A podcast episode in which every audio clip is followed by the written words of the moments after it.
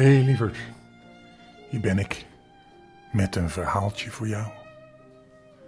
Het was een mooie dag vandaag voor mij. Ook voor jou? Ik heb een heleboel leuke dingen gedaan. Het was heel mooi weer. Ben jij naar school geweest? Of uh, had je vrij vandaag? Kan ook, hè?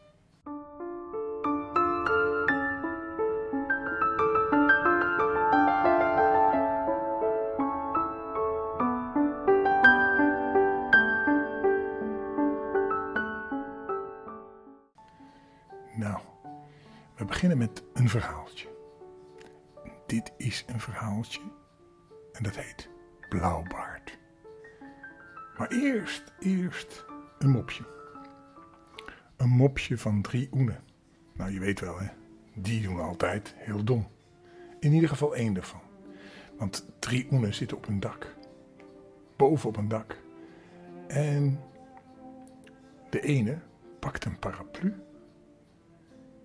en springt naar beneden. En hij landt zachtjes op de grond. En de tweede oen doet hetzelfde en landt ook veilig. En dan horen ze plotseling een harde klap. En dat is de derde oen. En hij zegt: Ja, de paraplu's waren op, dus ik heb maar een regenbroek aangedaan. Wat een dommerd, hè. De paraplu was toch om als een soort parachute naar beneden te gaan. Juf, zegt, Sietske, je zou echt eens een bad moeten nemen. Sietske zegt, nee hoor, ik word later stinkend rijk. Ja, stinken doet hij nu al. Of hij rijk wordt is een tweede. Nou, laten we eens beginnen. Het is een verhaaltje van Blauwbaard. Er was dus een man op het platteland. En die had hele mooie huizen. Zowel in de stad als op het platteland. En dat niet alleen. Hij had ook nog een heleboel zilver en goud, mooie meubels. Met borduursels op de zittingen en vergulde koetsen. Maar, jammer genoeg had hij een blauwe baard. En dat maakte hem zo lelijk dat alle vrouwen en meisjes wegliepen als hij eraan kwam. Een van zijn buren, een deftige dame, had twee heel mooie dochters. En hij vroeg aan die mevrouw van mag ik niet met een van hen trouwen? Het kon hem zelfs niet schelen welke. Maar de twee wilden niet. Want behalve dat hij zo'n baard had, was er nog een reden voor hun walging en afschuw. Namelijk, hij was al met verschillende vrouwen getrouwd geweest. En niemand wist waar die vrouwen nou gebleven waren. Om toch hun liefde te winnen nodigde Blauwbaard de meisjes uit om een week in een van zijn buitenhuizen te komen logeren.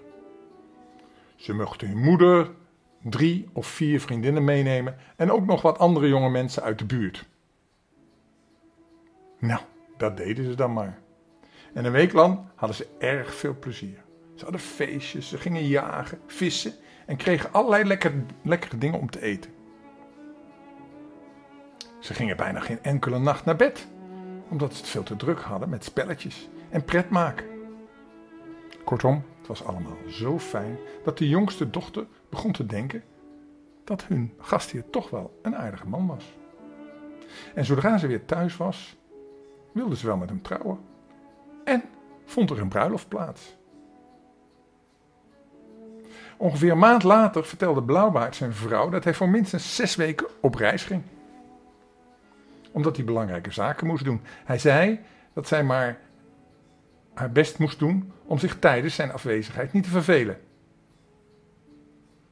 En hij stelde voor dat ze een paar vriendinnen te logeren zou vragen, om dan samen veel plezier te maken.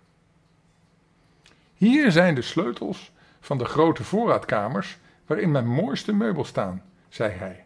En deze sleutels zijn van de kasten waarin het zilver en het goudvaatwerk ligt en dat we alleen op feestdagen gebruiken. En deze sleutels zijn van de brandkasten, waarin mijn goud en zilver en mijn geld ligt. Met deze sleutel kun je de kisten met juwelen openmaken. En hier heb je de sleutel waarmee je in alle kamers kunt komen. Maar dit, deze sleutel, dit kleine sleuteltje, past op het kleine kamertje aan het einde van de gang op de benedenverdieping. Luister goed. Je mag alles openmaken wat je wilt.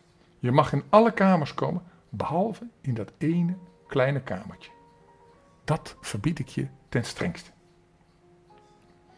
Ze beloofde dat ze niet ongehoorzaam zou zijn en nadat Blauwbaard zijn vrouw nog een keer had omhelst, stapte hij in zijn koets en ging op reis. De jonge vrouw hoefde haar buren en vriendinnen helemaal niet uit te nodigen om haar te komen bezoeken. Ze kwamen allemaal uit zichzelf, omdat ze dolgraag alle mooie dingen wilden zien die in dat grote huis waren. Als Blauwbaard thuis was, zou ze dat nooit durven. Maar nu liepen ze alle kamers in en keken in alle kasten. Ze zeiden tegen hun vriendin dat ze het wel heel goed getroffen had en dat ze haar vreselijk benijden. Maar de vrouw van Blauwe Baard hoorde dat nauwelijks. Die wilde alleen maar vreselijk graag weten wat er nou in dat kleine kamertje op de benedenverdieping was. Ze was zo vreselijk nieuwsgierig dat ze bijna over haar eigen voeten struikelde toen ze de trap afrolde. Bij de deur van het kleine kamertje gekomen, bleef ze even staan. Ze dacht even aan wat haar man gezegd had. Maar ze kon haar nieuwsgierigheid niet bedwingen. Ze pakte het sleuteltje en deed met trillende vingers de deur open. Eerst zag ze bijna niets, omdat de luiken dicht waren. Maar na een minuutje of zo zag zij een met bloed bevlekte vloer, waarop de lijken van enkele vrouwen lagen. Dat waren de vrouwen waarmee Blauwbaard was getrouwd geweest en die die één voor één had vermoord. De vrouw dacht dat ze zou besterven van angst. En het sleuteltje, dat ze uit het slot getrokken had, viel uit haar hand. Zodra ze een beetje van de schrik bekomen was, raapte ze het sleuteltje op, deed de deur op slot en ging naar boven om op haar kamer verder tot bedaren te komen. Maar dat was niet zo gemakkelijk, want ze was verschrikkelijk geschrokken. Ze zag dat er bloedvlekken op het sleuteltje zaten. En tevergeefs probeerde ze die eraf te wassen. Ze waste en ze boende ze twee, drie keer met zeep, met zand, maar het bloed ging er niet af. Het sleuteltje was namelijk betoverd. En het zou haar nooit lukken het sleuteltje weer schoon te krijgen. Als het bloed er aan de ene kant afging, verscheen het weer aan de andere kant. Diezelfde nacht keerde Blauwbaard terug van zijn reis. Hij zei dat hij onderweg brieven had gekregen waarin stond dat zijn zaken goed waren verlopen.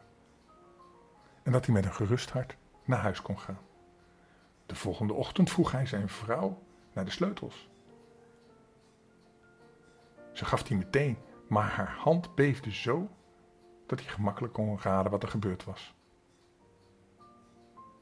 Wat is dat? zei hij. Hoe komt dat bloed op het sleuteltje?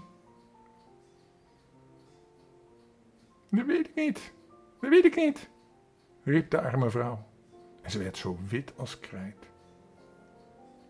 Weet je dat niet? zei Blauwbaard. Nou, dan weet ik het wel voor je. Jij wilde in het kleine kamertje rondneuzen. Nou, dat mag je nog eens doen. En dan mag je meteen voorgoed bij die dames blijven die je daar gezien hebt. En bij die woorden wierp de vrouw zich aan de voeten van haar echtgenoot. Ze huilde en ze smeekte om genade. Maar het hart van Blauwbaard was harder dan steen. Maak je gereed om te sterven, zei hij. Het zal niet lang meer duren.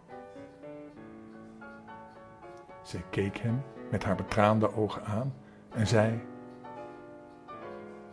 als ik moet sterven, geef mij dan nog wat tijd om te bidden. Ik geef je een kwartier, zei Blauwbaard, maar geen seconde meer. Toen ze alleen was, riep ze haar zuster Anna bij zich, die nog steeds op visite was. Zuster Anna, zei ze, ik smeek je, ga helemaal naar boven in de toren en kijk of je onze broers nog niet aan ziet komen. Ze hebben me beloofd dat ze vandaag hier zouden zijn. Als je ze ziet, geef je ze een teken dat ze ze vlug mogelijk op moeten schieten. Anna haastte zich naar de torentrans en de arme, angstige vrouw riep: Anna, zuster Anna, zie jij nog niets komen? Maar Anna zei: Ik zie alleen de zon, die het zo stoffig maakt, en het gras, dat groen is. Intussen had Blauwbaard een groot zwaard gehaald. En hij schreeuwde tegen zijn vrouw: Kom ogenblikkelijk naar beneden. Of moet ik je komen halen? Nog eventjes, alstublieft, riep zijn vrouw terug. En weer vroeg zij aan haar zuster: Anna, zie je nog niets komen?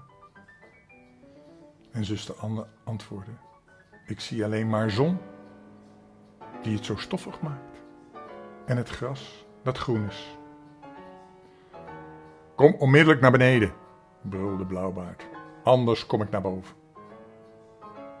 Ik kom eraan, ik kom eraan, antwoordde zijn vrouw. En ze riep: Anna, zuster Anna, zie je nog niks komen? Ik zie een grote stofwolk die deze kant uitkomt, riep Anna terug. Zijn het onze broers? Ach nee, lief zusje, ik zie nu dat het een kudde schapen is. Kom je nog of kom je niet? schreeuwde Blauwbaard.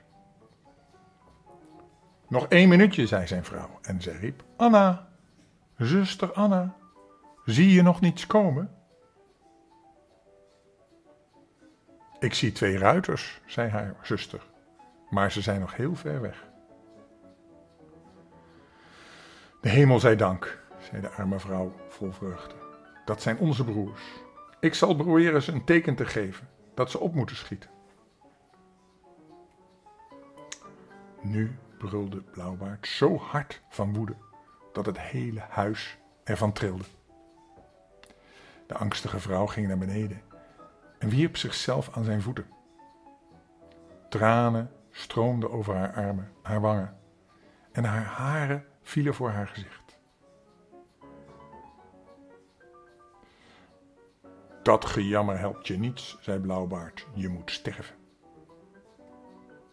Hij greep haar met de ene hand bij haar haar en wachtte heel even. Nee, zei hij, beveel jezelf in Gods liefde aan. En bij die woorden wilde hij haar doden. Maar hetzelfde ogenblik werd er hard op de deur gebonst. Zo hard. Dat Blauwbaard van schrik niet toe kon slaan. Blauwbaard herkende de broers van zijn vrouw en hij rolde meteen weg om zichzelf in veiligheid te brengen. Maar de broers achtervolgden hem en nog voordat hij bij de trap was, haalden ze hem in. Ze doorboorden hem met hun zwaarden en lieten hem dood liggen. De arme vrouw was van angst bijna net zo dood als haar man. En ze had niet eens de kracht meer om op te staan en haar broers te verwelkomen. De vrouw van Blauwbaard erfde natuurlijk al zijn rijkdommen. Een gedeelte ervan gebruikte ze om haar zuster Anna te laten trouwen met een man waarvan ze al heel lang hield.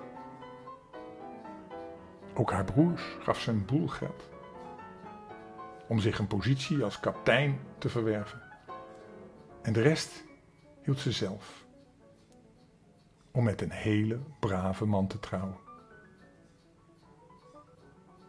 En die zorgde ervoor dat ze al snel niet meer terugdacht aan de verschrikkelijke dingen die zij in het huis van Blauwbaard beleefd had.